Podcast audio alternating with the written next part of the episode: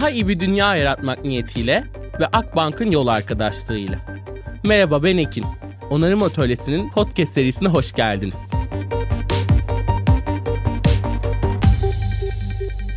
Herkese kocaman bir merhabalar. Onarım Atölyesi Podcast'in 3. sezonuna hoş geldiniz.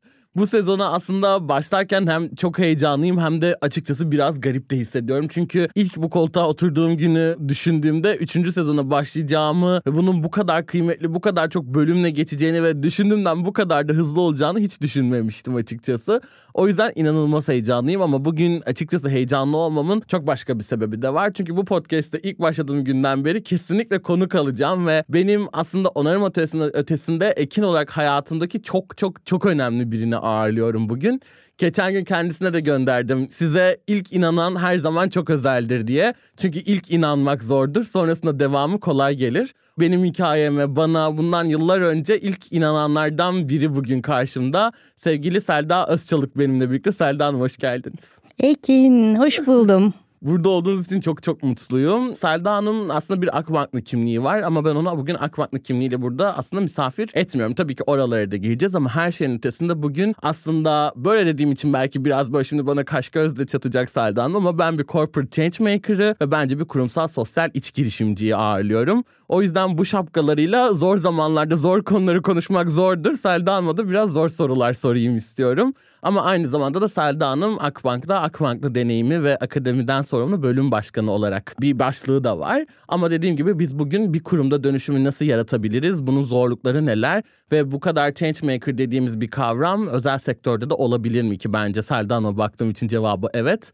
Onu konuşuyor olacağız. Tekrardan iyi ki buradasınız Selda Hanım. Ekincim çok teşekkür ederim. Gözlerim doldu daha ilk dakikalardan itiraf etmem lazım. Çok gurur duyuyorum. Burada olmak çok güzel. Onarım Atölyesi'nin ilk fikir aşamasında o heyecanını nasıl anlattığını hatırlıyorum ve bugünü görmekte gerçekten çok mutluluk verici. Seninle her zaman gurur duyuyorum. Çok iyi işler yapıyorsun. Daha da güzel şeyler yapacaksın eminim. Pazartesi sabahlarının ilk dinleyicisi benim. İşe giderken yolda herhalde 6.30-7 arası ilk dinleyenlerdenimdir diye düşünüyorum. Çok çok teşekkür ederim Seldan. Zaten her böyle pazarteside ilk nasıldı sorusunu da ben de size soruyorum. O yüzden çok mutluyum. Ben size meselelerinizi sorarak başlayacağım ama önce biraz daha böyle bizim hikayemizin de o başına dönüp hızlıca oraya da aslında girmek istiyorum. Bundan epey bir zaman önce ben LinkedIn'de sürekli özel sektöre laf ederken, parmak sallarken ve asla özel sektörle aynı olamam. Hele ben post kapitalizmle ilgileniyorum, küçülme ekonomilerine meraklıyım. Bir banka mı asla olmaz diye düşünürken ve hep sosyal girişimcilik tarafındayken Donut ekonomisini kendi çalışmaya çalışırken bir gün Selda'mdan bir mesaj aldım LinkedIn'de. İşte tersine mentorluk veriyordum. Gençlik konularıyla ilgileniyordum ve hani böyle çok da aslında dürüst olmak gerekirse çok da heyecanlanmamıştım. Ya tabii ki görüşebiliriz. Birçok akademiyle, kurumla vesaire görüşülüyor. Ama daha sonra Selda'mla bir araya geldiğimizde Selda Hanım'ın hem biraz hayat hikayesini dinledim. Kendisine bırakacağım o kısmı. Ama akademiye yeni bir başlangıç yapmıştı. Hem de yeni başlangıcında büyük bir fikir anlattı Selda Hanım. Akbank Gençlik Akademisi diye. Ve tam o günlerde ben kurumsal sosyal sorumluluktan sosyal etkiye geçişi okurken, araştırırken, anlatmaya çalışırken bir anda böyle ekranın karşısında pandemide ne kadar heyecanlandım o koltuğumda duramadığım anı hatırlıyorum. Buna bir ekip ayrılmıştı. Bunun bir sürekliliği vardı. KSS'den tamamen çıkmış. Bankanın dönüşümüyle entegre edilen gençliği gençlerle çalışmak iste inanılmaz büyük bir akademi fikriyle karşılaştım ve o günden sonra ben Selda Hanım'ı hiç bırakmadım. O da beni iyi ki bırakmadı ve sonra ben bir süre ekibine dahil olma şansı elde ettim Selda Hanım'ın ve kendi title'ını da kendi belirleyen sanırım tek insan olarak böyle bir etki tasarımcısıyım ben diyerek işin içine dahil olmuş oldum. Elbette devamında konuşuruz. Kobiler için bir dönüşüm akademisi, ailem akademisi geldi. Bugün Selda Hanım yaptığı onca şeyden sonra bir de kültürel dönüşümü üstlendi ve hikayesi gittikçe katlanarak ve bir kurumu, bir sektörü dönüştürerek devam ediyor. Buralara daha da gireceğim Selda Hanım. Ama bu girişin ve beraberliğin ardında sizin meseleleriniz ne? Neden bu kadar çılgınca şey yapıyorsunuz? Oo, teşekkür ederim Ekin. Seni dinlerken ne kadar güzel birlikte işler yapmışız diye de düşünmeden edemedim. Sen çok güzel bu ünvanları, şapkaları, title'ları artık ne denirse çok güzel buluyorsun gerçekten. O yüzden kendinin bulması da bence güzel oldu. Açıkçası ben meselem nedir derken Hayatta hepimizin meseleleri var. Zamana, duruma, yere göre değişiyor. Ama özünde ben adil olmayı, adaletli bir dünya içinde yaşamayı ve insanların fırsatlara eşit ve adil şekilde erişmesini galiba kendime çok dert edinmişim. Aslında kariyerime baktığımda, geçmişime baktığıma, yaptıklarıma baktığımda bunların hep ucundan ufak ufak tutmuşum ama herhalde son 4-5 sene şu an bulunduğum konum itibariyle Akbank bana bu alanı güzel açtı. Ben de onu doldurmaya çalışıyorum yol arkadaşlarımla beraber. Dolayısıyla bu uzun bir yolculuk. Yolculuğun şimdi burasında gençlerle dertleniyoruz. Onların meseleleriyle dertleniyoruz. Kobilerle dertleniyoruz. İleri yaştaki insanlarla dertleniyoruz. Çünkü aslında her yaşın başka problemleri olabiliyor. Deprem gibi üzüldüğümüz bir gerçeğimiz var. Onunla dertleniyoruz. Meselemiz çok açıkçası. Dolayısıyla meselelere birlikte ve birbirimizden güç alarak çözüm aramak en doğrusu en güzeli gibi geliyor. Çok teşekkür ederim Selda Hanım. Bu meselelerle ilgili sanırım benim için en önemli şey de bunu hiçbir zaman tek başınıza yapmamış olmanızdı. Hep etrafınızda birileriyle bu meseleyi dert ediniyor olmanız bana hep çok özel gelmişti. Hayatınızda benle böyle sanırım bir saatten fazla konuştuysanız bir şekilde söz Selda Hanım'a gelmiştir diye düşünüyorum açıkçası. O yüzden ben genel böyle bir Selda Hanım'ı da her yerde onun olmadığını anlatan biri olarak bugün biraz heyecanlı da hissediyorum. Ya ne sorabilirim çok şey var konuşacak diye böyle çok uzun uzun düşündüm. Ama biraz daha şuna da gelmek istiyorum Selda Hanım. Özellikle bugün kültürel dönüşümde çalıştığınız bir noktada bununla birlikte Gençlik Akademisi, Dönüşüm Akademisi aslında temelinde hem kurum dışındaki ekosistem paydaşlarınıza, gençlere, kobilere, ailelere yönelik yaptığınız çalışmalarda bir dönüşüm içeriyordu. Ama kurum içinde de bir dönüşüm var. E, dünya zamanda dönüşüyor. Çok kaotik de bir dönemden geçiyoruz. Neden dönüşme ihtiyacımız var ve bu böyle, böyle anlattığımız kadar kolay bir şey mi? Hiç kolay bir şey değil. Bir de hep konuşuldu. Burada senin daha önceki konuklarınla da konuştuğun bir şey. Bazı kavramları çok fazla konuşunca hep böyle içi boş, altı boş gelmeye başlıyor. E dönüşüm de aslında biraz öyle olmaya başladı sanki Ekin. Bilmiyorum sen ne diyorsun? Her şeyi bir dönüştürme derdi var. Bir onarma derdi var. Sen onu daha güzel anlatıyorsun. O kadar çok şey hayatımızda çok hızlı bir şekilde bizi değişmeye, dönüşmeye zorluyor ki buna istemeden müdahale etmemiz, buna karşı durmamız mümkün değil açıkçası. O yüzden dönüşüm bir zorunluluk artık. Buna mecburuz bu dönüşümü yaşamaya kabullenmeye, içselleştirmeye ve onunla birlikte bunun sürekli hale geldiğine inanmaya ve o yolu ilerlemeye mecburuz. O yüzden dönüşüm hiç kolay değil ama mutlaka olması gereken bir şey. Hepimizin buna adapte olması gereken bir şey. Çok kıymetli Selda Hanım. Sanırım burada da bu dönüşüm yolculuğunu kurgularken o bu podcast sesinde çok konuştuğumuz kapsayıcılık ve hep birlikte olma meselesi var. Bu bugün hem aslında bir kurumun çalışanlarıyla hem aslında toplumda dokunduğu kesimlerle özellikle bir bankayı da düşündüğümüzde sanırım hayatımızın her yerinde ve her kesime ulaşabilen de bir noktada. Bunu birlikte kurgulamak çok önemliydi ama burada ilk kez dinleyecekler için de biz neyi neden nasıl dönüştürmek istedik aslında nasıl yapılar kurguladık onu da duymak çok güzel olabilir. O yüzden ben sosyal etki akademileri başlığı altındaki gençlik dönüşüm ve ailem akademisinin hikayelerini sizden dinlemek çok istiyorum. Söz veriyorum araya girip bol bol kendi eklemelerimi de yapacağım ama burada çok önemsediğim hikayeler var ve gerçek anlamda bir dönüşüm mekanizması da var. Özellikle böyle tek seferlik işte kodlama eğitimi verip çıkalım değil ya da işte gençlere yönelik hadi gençlere bir şey verelim. Değil de gençler ne istiyor ve biz onlarla birlikte nasıl dönüştürebiliriz dediğiniz çok büyük hikayeler var. E biliyorum 130 binden fazla genç var aslında birebir dokunulan hikayesini yaratan benim de çok fazla içinde olduğum. Uzun vadede istiyoruz ki COBİ'lerin yeşil ve dijital dönüşümünde aslında bölgesinde kendi yerelini bilen gençler bu dönüşümü öncelik etsin. Birbiriyle çok bağlantılı hikayeler de var bu akademilerle birlikte. Benim çok bildiğim unik hikayeler de var insanların hayatının dönüştüğü ve değiştiği. Ama ne oldu, neden buna başladınız, her şey nasıl başladı? Biraz daha gençlikten başlayarak bu akademilerin hikayesini ben sizden biraz dinlemek çok istiyorum. Çok teşekkür ederim Ekin. Sen biraz önce Gençlik Akademisi böyle büyük bir yapı olarak karşıma geldi, Selda anlattı dedin ama aslında bizim anlattığımız şey bir hayaldi. Birazcık üstünde düşünmüştük, bir şeyler yazmıştık, çizmiştik ama seninle LinkedIn'deki o ilk karşılaşmamız ve sonrasındaki buluşmamızda biz doğru bir şey hayal etmiş miyiz? Doğru bir yerden bakıyor muyuz? Aslında bunu anlamak için de seninle buluşmamız Yine ismini analım sevgili Seray'la da bu amaçla buluştuk. Pek çok gençle bu amaçla buluştuk. Ve sizler aslında bizim birlikte doğru yolu görmemizi, hayallerimizi daha renklendirmemizi, çeşitlendirmemizi sağladınız. O yüzden bu birliktelik çok kıymetli. Ben buna çok inanıyorum. Sen hep bana bir banka neden bunu yapmak ister diye sordun. Bir banka, işte bir kurum, bir sivil toplum kuruluşu, tek başımıza bir birey olarak hepimiz bunu neden yapmalıyız? Çünkü hepimizin ben bir etki alanı olduğuna inanıyorum. Bu her içinde olduğumuz konuyla ilgili. E, hep başkalarından bir şeyleri beklemek ve ondan sonra kendimiz onu hayatımıza katacağımızı düşünmek biraz yanıltıcı ve doğru olmayan bir şey diye düşünüyorum. Küçük ya da büyük hepimizin bir etki alanı var ve o etki alanının içerisinde doğruyu kurgulayabilirsek hani bu doğru tabii tırnak içerisinde ama birlikte neler daha iyi yapabileceğimize dair ortak akılla tanımladığımız doğruyu uygulamaya başlarsak o etki gittikçe büyümeye başlıyor. Birey olarak bunu Selda olarak böyle düşünüyorum. Böyle yaşamaya gayret ediyorum. Kurum olarak da Akbank olarak da baktığımızda büyük bir ekosistemin içerisinde önemli bir oyuncuyuz. Dolayısıyla işte çalışanlarımız, Akbanklılar var, müşterilerimiz var, birlikte iş yaptığımız diğer kurumlar var. Dolayısıyla bu ekosistemin içerisinde önemli bir oyuncu olarak o etki alanında neler yapabileceğimizi aslında düşündük bankada. E, biz önce bankanın içerisinde kendi içimizde neleri değiştirmemiz, dönüştürmemiz gerektiğini konuşuyorduk. Ben işte kariyerimin uzunca bir süresinde kredici olarak çalıştım ve o süreç içerisinde iş yapış şeklinin ne kadar değiştiğini gördüm. Teknolojinin de buna bir takım dönüştürücü etkisi oldu. Çevresel sosyal tetikleyicilerin de pek çok etkisi oldu. Dolayısıyla bankacılığın temel fonksiyonu işte kredi vermekse evet kredi vermeye devam ediyoruz ama işi yapış şeklimiz değişebiliyor.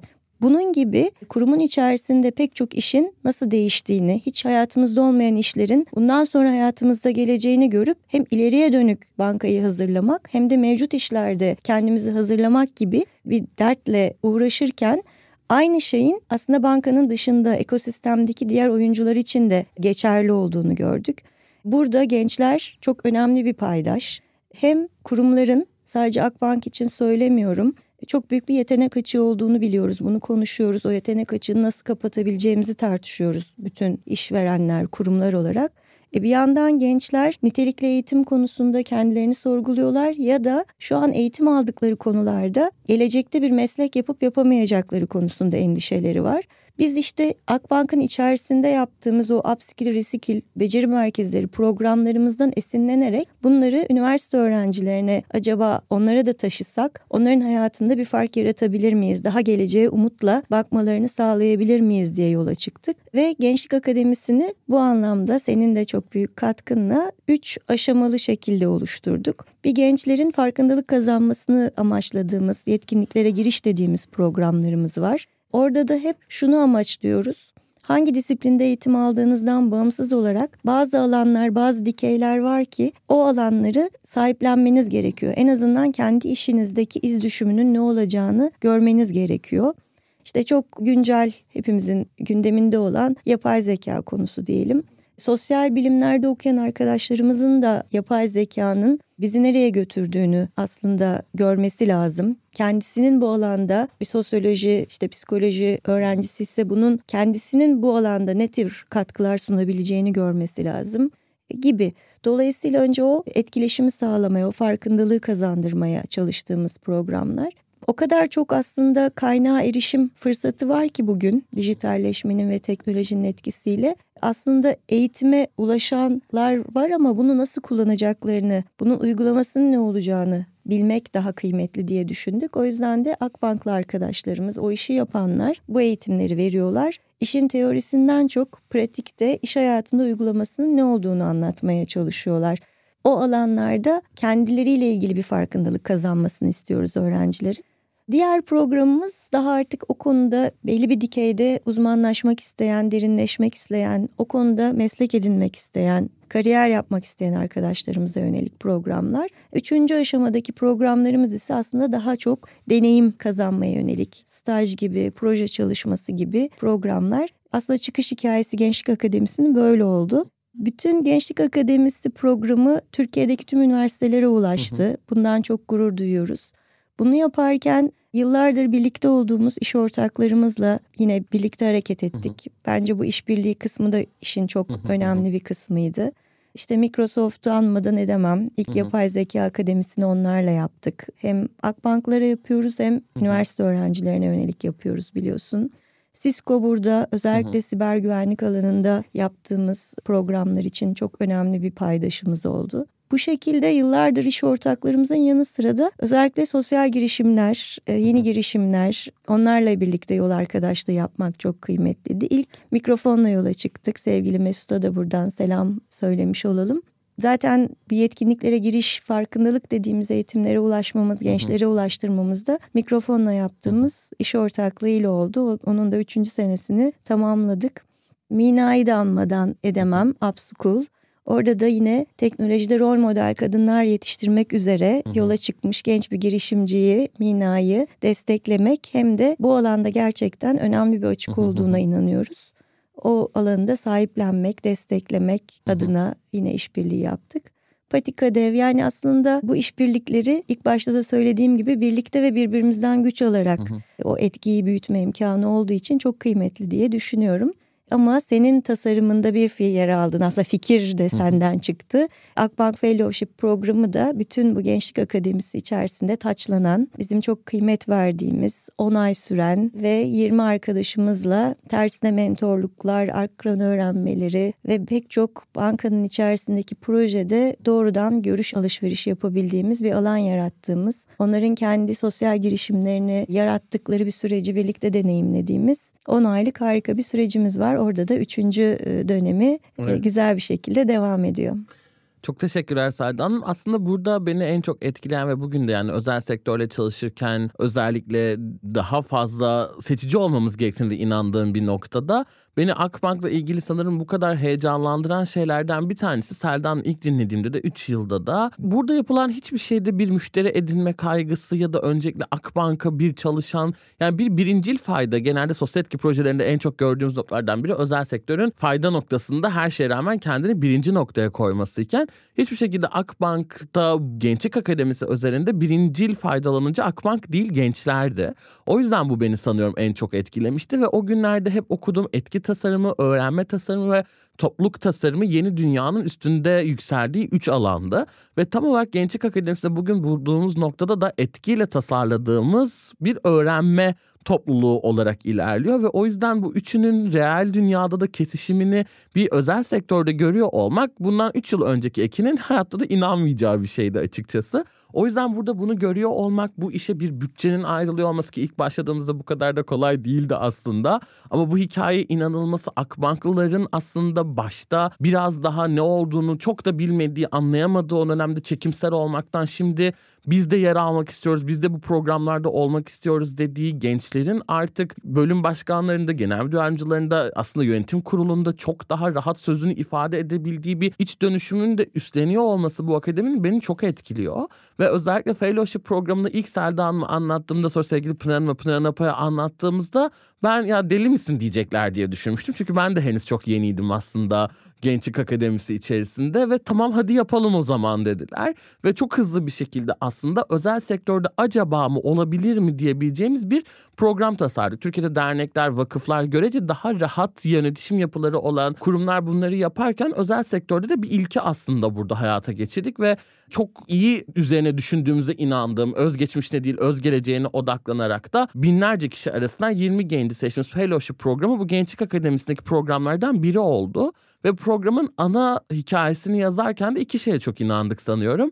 Dönüşümü bugün birlikte başlatıyoruz. Yani geleceği size emanet etmiyoruz. Bugün beraber yapıyoruz ve o birlikte tasarlama dürtüsü sanırım çok çok önemliydi. Ben buna bir hayal olarak başlamıştım gerçekten ve mi acaba olabilir mi? En olmaz dediğim o hepimize ütopik gelen bakış açısını bugün burada hayata geçirebilir miyiz dediğimde Selda da işte o gün evet dediği andan itibaren de büyük bir rol model olarak görüyorum. Büyük bir alan açtı, büyük bir risk aldı aslında ve bugün bu program üçüncü yaşını dolduruyor. Tam olarak etki öğrenme ve aslında topluluk tasarımının bir arada kesiştiği ve kurumun dönüşümünü üstlenen bir öğrenme programı ve içinde aslında böyle çok fazla program barındırıyor Gençlik Akademisi. Serdam dediği gibi 101, 201 ve o 301 aslında 3 katmandan oluşan programda beni en çok etkileyen şey farklı şekillerle Gençlik Akademisi'nin bir parçası olmuş gençlerle konuştuğumda benim gibi okullardan onlar da çok sıkılmış, bunalmış olduğunda ve artık okulların bize yetmediği bir dünyada başka bir öğrenmenin mümkün olabileceğini, bir alternatifin mümkün olabileceğini görmekti.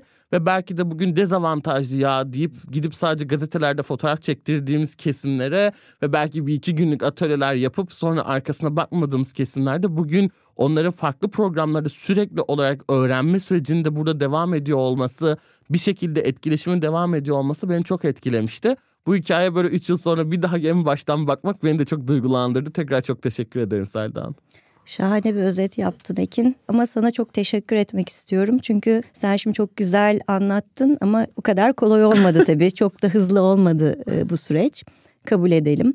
Bu da doğal bir süreç aslında. Yani Akbank 75 yıllık bir kurum. Geçtiğimiz yıl 75. yılını kutladık. Dolayısıyla gelmiş pek çok şey vardı. Fakat birbirimizi dinlemeyi, birbirimizden öğrenmeye, açık olmayı deneyimlediğimiz bir süreç oldu. Biz senden çok şey öğrendik. Öğrenmeye de açık olmak da çok önemli bir şey. Hani başta söyledim ya biz ekosistemin içerisinde önemli bir oyuncuyuz, önemli bir paydaşız. Bize faydası olması tabii ki güzel bir şey. Hı hı. Ama sadece bize faydası olduğu zaman ekosistem iyi olmuyor. Biz bunu pandemi döneminde hepimiz çok güzel deneyimledik. Yani benim sağlığım iyi olabilir ama komşumun ki, arkadaşımın ki, iş yerindeki arkadaşlarımın, işte sokaktaki herhangi bir insanın hayatı iyi değilse ben de aslında izole olmak zorunda kaldım. Dolayısıyla rakiplerim, paydaşlarım artık adına ne dersek o ekosistemin içerisindeki herkes iyi olduğu zaman benim de iyi olmamın bir anlamı var. O yüzden hani iyi eğitim almış, eğitim fırsatına ulaşabilmiş genç sayısını ne kadar çok hep beraber arttırabilirsek, onlara deneyimleme şansı verebilirsek aslında bu bütün ekosistem içerisinde bir fayda yaratacak demek. Sadece benim faydalanmam bu anlamda önemli değil. İşte bu yüzden de aslında ezber bozan deneyim diye bu da çok güzel bir örneği. Onu da hemen parantez açıp söylemek isterim. Orada da Akbank, Eczacıbaşı ve Fazla ile birlikte gençlere staj imkanı verdik. Aynı alanlarda 3 ay Akbank'ta 3 ay işte diğer kurumlarda olmak üzere 9 ay boyunca staj yapıyorlar. Bu biraz kurumun da kendisine güveniyle ilgili bir şey. Yetenek Akbank'ı da seçebilir, diğer kurumları da seçebilir. Bizim de onlardan öğreneceğimiz, kendimizi işte daha iyi ifade edebileceğimiz yerler olabilir. Bu da bize bu alanı açıyor. Dolayısıyla öğrenmeye açık olmak bence bugünün en önemli konusu ve hepimizin de buna yatırım yapması gerekiyor. Gençlerle birlikte olmak bence bu anlamda bize çok iyi bir öğrenme fırsatı verdi. O da dönüşmemize imkan sağlıyor diye düşünüyorum. Dediğin gibi yaptığımız işler mesela bankada yıllardır çalışan arkadaşım artık işini kanıksıyor ve bir başkasının gözünde ne kadar kıymetli olabileceğini düşünemiyor olabiliyor. Ama 101'lerde onlar gençlerle buluşuyorlar, bildiklerini, yaptıkları işi anlatıyorlar ve işte aldıkları sorularla, genç arkadaşların ilgisiyle işlerine daha farklı bir gözle bakmayı da öğreniyorlar diyeyim. Dolayısıyla bu herkesin beslendiği, herkesin öğrendiği ve herkesin geliştiği bir süreç. Daha iyi bir dünya yaratmak niyetiyle ve Akbank'ın yol arkadaşlığıyla onarım atölyesine kaldığımız yerden devam ediyoruz. Burada aslında siz bir kurumsal sosyal iç girişimcisiniz Selda Hanım dediğimdeki noktaya da döndüğümde bugün kurumların bir anda topyekun dönüşmesinin çok zor olduğunu farkındayız. Özellikle bu kadar büyük kurumlar bir anda aslında çok iyi sosyal girişimcilere, işletmelere dönüşemeyecekler. Zaten belki de dönüşmeleri gerekmiyor. Ama bugün sahice etkiyle bağdaşan bir dönüşüm için ilk adım ne olabilir denildiğinde benim de aslında biraz daha buradan da gördüklerini hep ilk önerim ya kurum değişmiyor olabilir ama kurumun içerisinde bir şekilde kuruma bağlı bir yapı kurmak, bir girişim, bir inisiyatif başlatma örneğini veriyorum. Çünkü bu hem kurumun içinde kalıp kurumu dönüştürme gücüne sahip olabiliyor.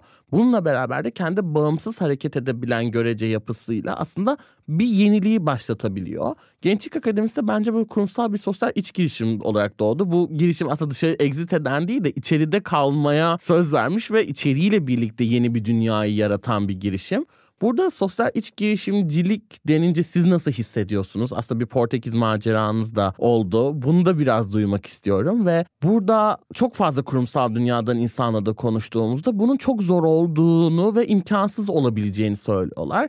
Bence Akbank'ta da imkansız görünüyordu 3 yıl önce ama bugün baktığımızda çok büyük bir hikaye var. Burada bir kurumsal sosyal iç girişim yapmak ne demek? Nereden başlanabilir? Siz nereden başlamıştınız? Hangi patinajları nasıl döndünüz? Aslında burada o ilk cesareti, ilk adımı atmak nasıl bir duyguydu? Demin de söylediğim gibi böyle ünvanları, title'ları sen çok güzel buluyorsun. Sen bana hep bunu söylüyordun ben de kabul etmiyordum. Sonuçta ben sevdiğim bir işi kurumun, Akbank'ın bana açtığı alan içerisinde yapıyorum diye hep kendimi öyle tanımlıyordum ama sen hep bana işte sosyal iç girişimci tanımını yaptın.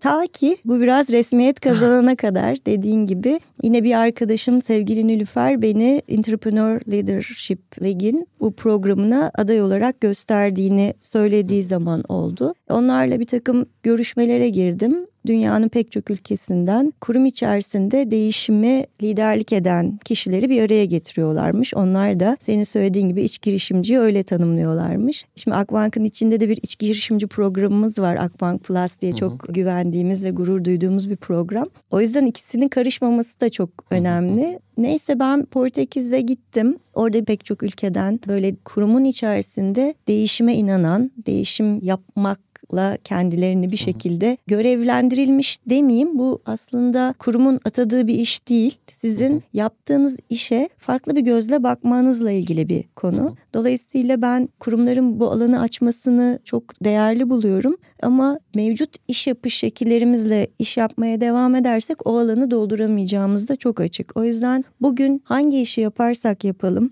ben birlikte çalıştığım tüm arkadaşlarımla hep bunu tartışıyorum daha farklı nasıl yapabilirim? Başkalarıyla birlikte nasıl yapabilirim?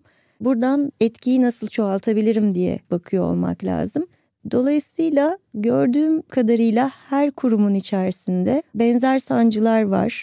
Çünkü değişim kolay bir şey değil. Yıllardır alışılagelen şeyleri değiştirmeye çalışıyorsunuz. Başka bir yöne evirmeye çalışıyorsunuz herkes aynı şekilde istekli olmayabiliyor. Ama en baştaki soruna dönersek mecburuz artık. Bu bir zorunluluk haline geldi. O yüzden de kurumların içerisinde bence eskiye göre bugün bunlar daha çok konuşulur hale geldi. Bence işte pandemi de çok büyük bir kırılma yarattı. Herkes birazcık daha bu etki konusunu, birlikte üretme Hı-hı. konusunu, sosyal fayda konusunu daha çok gündemine aldı. Dolayısıyla da birlikte ne yapabiliriz duygusu, düşüncesi yoğun bence. Hı-hı. Benim çalıştığım alan ben işte akademiden de sorumluyum Akbank'ta.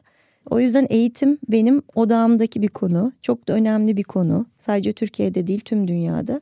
Dolayısıyla eğitimle kapıları çalmak ve o kapılardan çaldığınız kapılardan içeri girmek çok daha kolay oluyor. Çünkü bir banka olarak belki birisinin kapısını çaldığınızda bir ürünle ilişkilendireceklerini hep düşünüyorlar. Sen de o kaygıyı hep bana söyledin. Oysa biz eğitim vereceğimizi söylüyoruz ve bir beklentimiz yok. Gençlik Akademisi'ndeki öğrenimlerimizle müşterilerimizin de aslında pek çok şeye ihtiyacı olduğunu gördük. Aslında değişmeye, dönüşmeye onların da ihtiyacı var. Yine pandemiye dönecek olursak geleneksel yöntemle ticaret yapan özellikle kobiler çok zorlandılar. Dolayısıyla e-ticaret, e-ihracat yapabilen şirketler daha avantajlı duruma geldi. Dolayısıyla kobilere de bu dönüşümü nasıl yapabileceklerini öğretmek aslında bizim bir yerde görevimiz diye düşündük. Orada da Kobi Bankacılığı işbirimimizle beraber kobilere yönelik eğitimleri planladık. Sadece dijital dönüşüm değil, işte yeşil mutabakat gibi bir gündem de var biliyorsun. Hı hı. Dolayısıyla özellikle ihracat yapan KOBİ'lerin bu yeşil dönüşüme de bir an önce uyumlanması da çok önemli bir konu. Finansal sağlamlık zaten olmazsa olmazımız dedik ve üç ayakta Akbank Dönüşüm Akademisi'ni gerçekleştirmeye başladık. Oradan da sevgili Levent Erden'e o da isim babası olduğu için ona da bir selam vermiş olayım. Dolayısıyla Gençlik Akademisi böyle başladı. O Dönüşüm Akademisi fikrini oradan öğrenimlerimizle yine tetiklemiş olduk, başlamış olduk. Sonrasında da yaşamımızın her evresinde öğrenilecek çok şeyimiz olduğunu biliyoruz. Her şey değişiyor, dönüşüyor ya da bilmediğimiz pek çok şey var. Hayatımızın o aşamasına geldiğimizde ihtiyaç duyduğumuz konular olabiliyor. Orada da işte hamilelikten başlayan hayatın bütün evrelerine yönelik ihtiyaçlarımızı kapsayan eğitim programları yaptık. Ona da Akbank'la Ailem Akademisi dedik. Akbanklar ve kan bağı aranmaksızın aslında tüm sevdiklerini bu akademiye davet ettik. Çok güzel eğitim programları var. Birbirimizden de öğreniyoruz.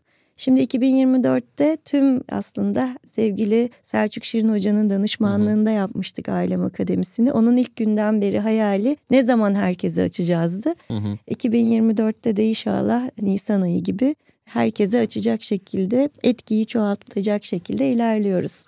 Şahane Selda Hanım. Burada belki de işte sosyal iç girişimcilikte ya da bu zorlu serüvende Evet belli mekanizmalarınız var işte bir ekip ayırmak, etkiyi öncelemek, işte paydaşları almak vesaire vesaire gibi bunun pek çok yöntemi var.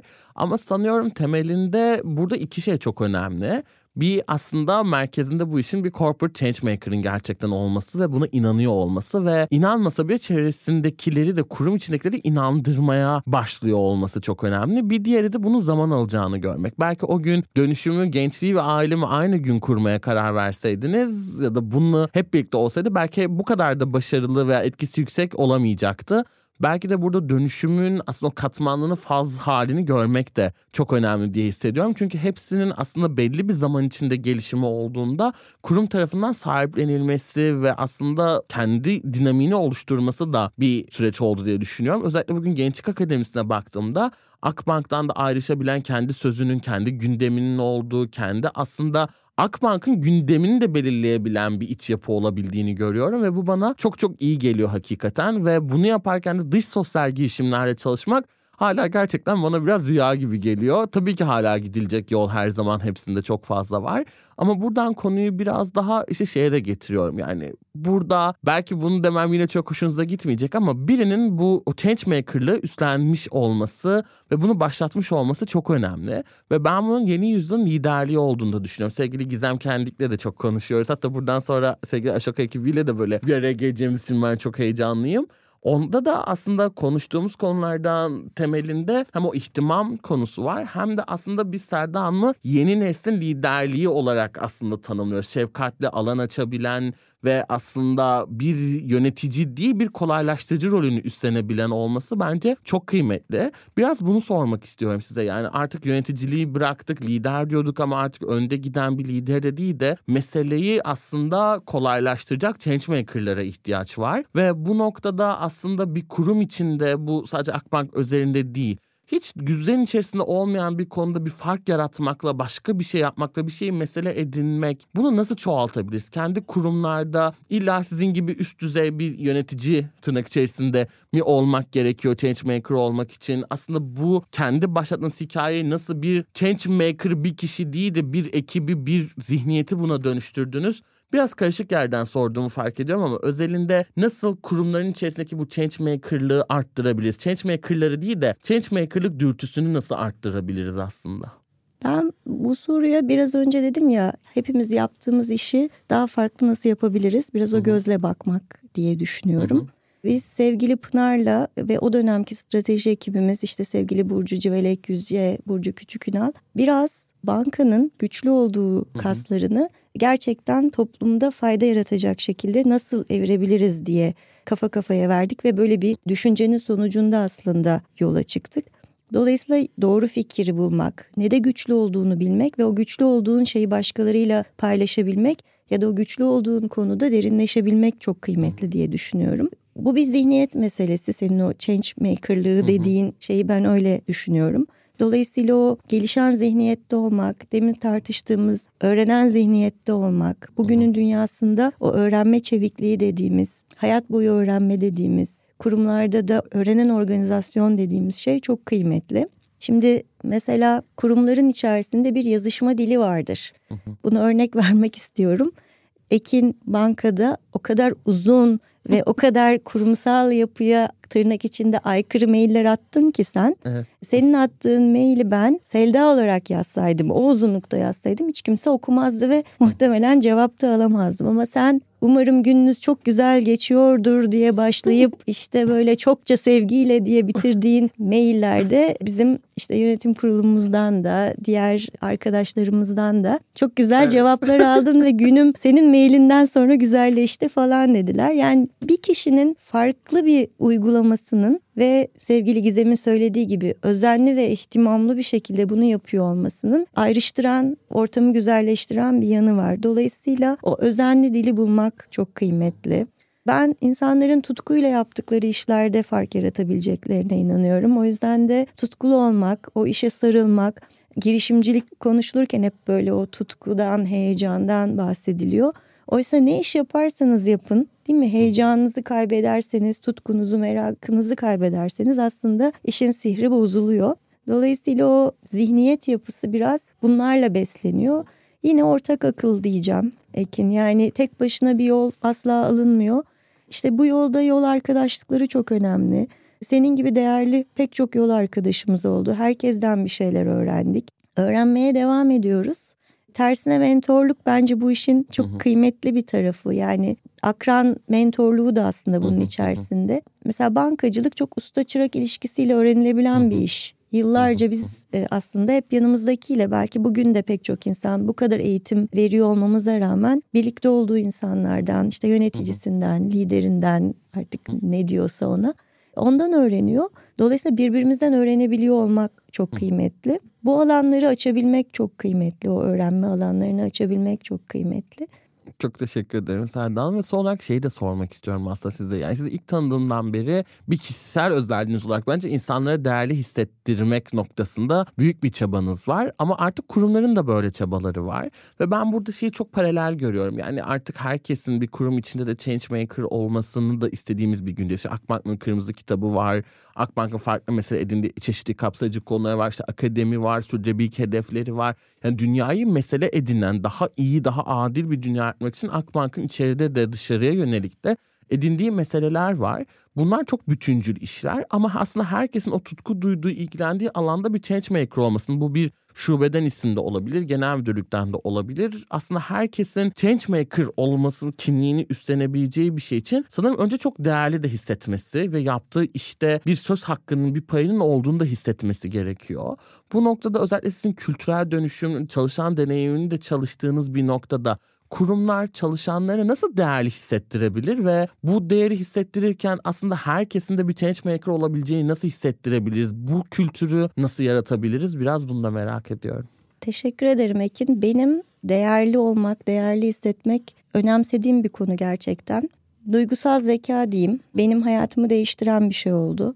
Çünkü biz Türkiye'de maalesef hala da öyle Yıllarca analitik zekanın çok önemli olduğu, IQ'nun önemli olduğuna inandık, inandırıldık.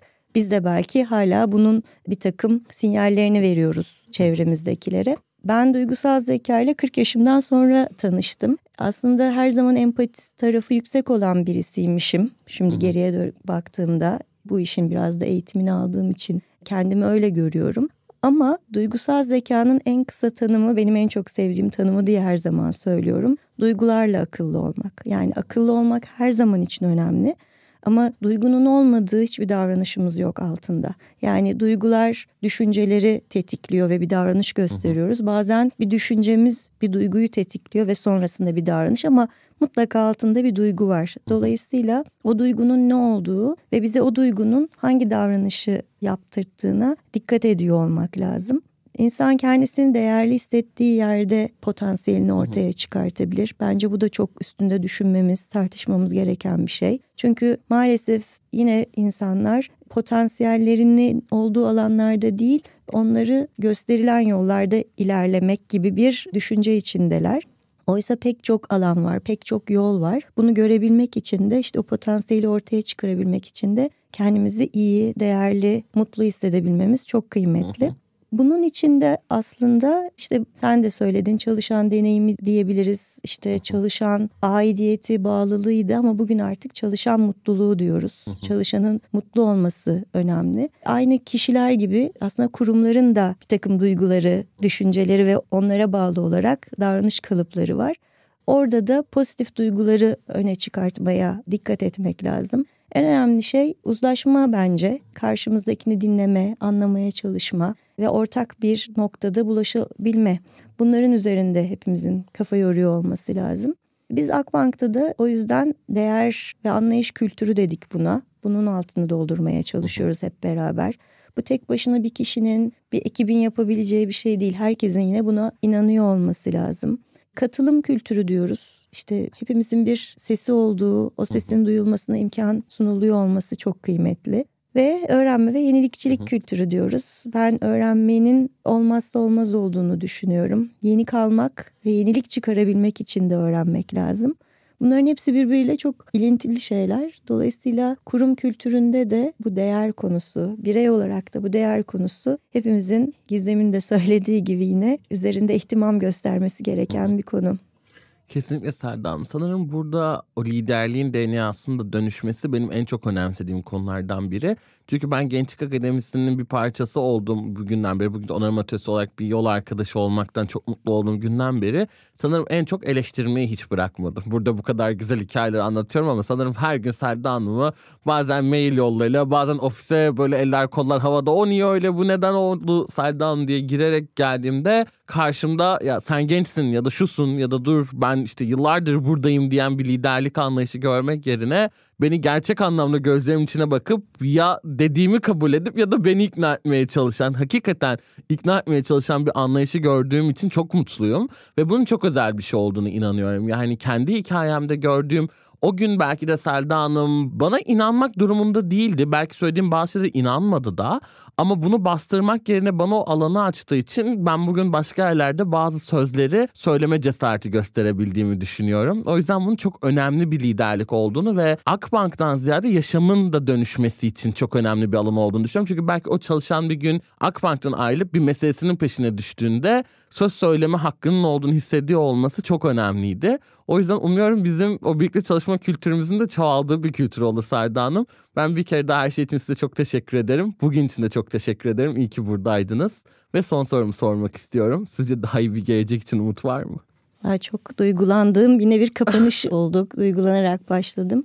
Umut tabii ki var. Ekin karşımda sen varsın. Her şey hayal kurmakla başlıyor dedik. O hayali kurduk. Sonra hayalin altını birlikte doldurduk. Daha da büyüttük, renklendirdik. Hepimizin buna inanması lazım. Başka türlü ilerleyemeyiz. Daha güzel hayallerimiz olsun Selda Hanım. Tekrar çok teşekkür ederim. İyi ki varsınız, iyi ki buradaydınız. Çok teşekkürler. Sen de iyi ki varsın. Daha iyi bir dünya yaratmak niyetiyle ve Akbank'ın yol arkadaşlığıyla iyilik ve dostlukla. Bir sonraki bölümde görüşmek üzere.